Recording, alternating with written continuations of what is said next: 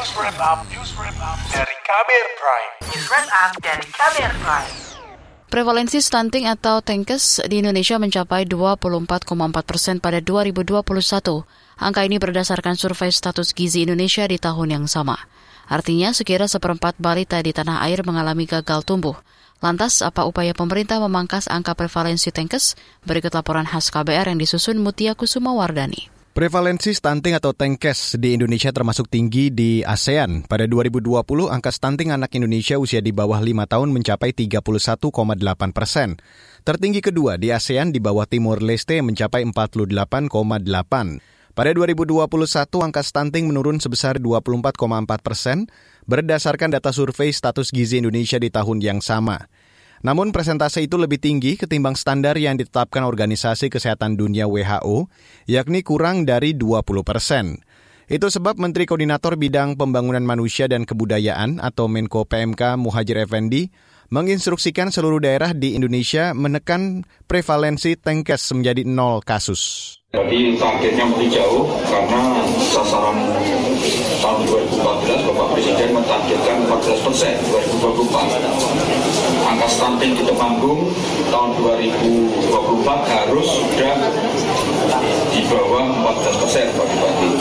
Menko PMK Muhajir Effendi menambahkan strategi pemerintah untuk mempercepat penurunan prevalensi stunting yaitu melakukan kolaborasi dan konvergensi dengan seluruh pemangku kepentingan. Namun realitasnya di lapangan, perilaku pengasuhan seribu hari pertama kehidupan atau HPK bayi usia 2 tahun masih belum sesuai harapan. Padahal masa tersebut sangat mempengaruhi tumbuh kembang bayi hingga dewasa. Deputi Bidang Advokasi, Penggerakan dan Informasi Badan Kependudukan dan Keluarga Berencana Nasional atau BKKBN, Soekaryo Teguh Santoso mengatakan, telah mengerahkan 200 ribu tim pendamping keluarga rentan melahirkan bayi tenkes. Tim pendamping keluarga itu terdiri dari 600 ribu personel yang terdiri dari bidan, kelompok bina keluarga balita atau BKB, hingga BKKBD. Bagaimana menyadarkan masyarakat akan stunting itu sendiri, apa penyebabnya, sekaligus bagaimana mencegahnya. Mereka ini, tim pendamping keluarga juga melakukan pendampingan, mendampingi mereka-mereka risiko tinggi stunting ini untuk mendapatkan akses pelayanan kesehatan yang baik. BKKBN mencatat ada 12 provinsi prioritas untuk rencana aksi nasional percepatan penurunan stunting Indonesia sebesar 3 persen pada tahun ini serta 14 persen pada 2024. Belasan provinsi itu di antaranya Nusa Tenggara Timur atau NTT, Banten, Jawa Timur, Kalimantan Barat, dan Jawa Barat.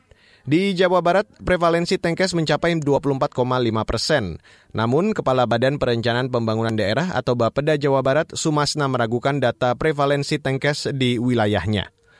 Studi status gizi Indonesia SSGI tahun 2021, Jawa Barat berhasil menurunkan angka prevalensi, prevalensi stunting sebanyak 10,8 persen dari angka 35,3 eh, di 2013 dengan rata-rata penurunan 1,2 persen per tahun.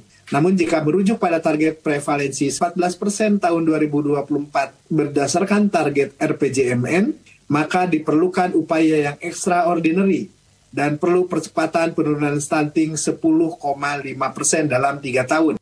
Komitmen sama juga diupayakan pemerintah Provinsi Jawa Tengah. Sebab saat ini satu dari lima balita di sana mengalami gangguan pertumbuhan.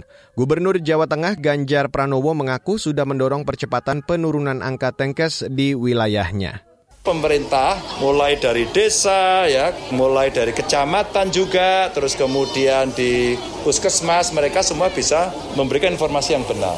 Nah terhadap mereka yang bermasalah cepat ditangani, cepat ditangani sejak dalam kandungan. Di Brebes ini karena potensinya tinggi itu maka ya kerja kita harus lebih keras lagi, harus lebih sistematis lagi agar uh, kita bisa mencegah stunting. Dan kalau sudah bisa merespon dengan cepat. Salah satu upaya penurunan stunting di Jawa Tengah ialah dengan membentuk program Bapak Asuh Anak Stunting. Program ini digagas Desa Larangan, Kabupaten Brebes dengan anggaran swadaya. Dana itu antara lain digunakan untuk pendirian program dapur sehat atasi stunting atau dasyat Gubernur Ganjar mengapresiasi program ini dan berharap hal sama diterapkan di wilayah lain. Di sisi lain, Dewan Perwakilan Rakyat menilai prevalensi stunting di tanah air masih terlampau tinggi. Anggota Komisi Kesehatan DPR Nur Yasin mendorong kebijakan alokasi anggaran yang memadai untuk menekan jumlah tenkes termasuk mengurangi balita yang kurang gizi. Stunting ini eh, jadi bagian yang paling sangat penting karena angka stunting kita masih tinggi, sangat menyedihkan lah. Di 10 negara ASEAN, Indonesia itu nomor 9 stunting. Jadi memalukan sekali. Memalukan sekali. Nomor 9 hampir nomor buncit dan ini tidak boleh terjadi. Demikian laporan khas KBR yang disusun Mutia Kusuma Wardani, saya Reski Mesanto. Kamu baru saja mendengarkan news wrap up dari KBR Prime. Dengarkan terus kbrprime.id, podcast for curious mind.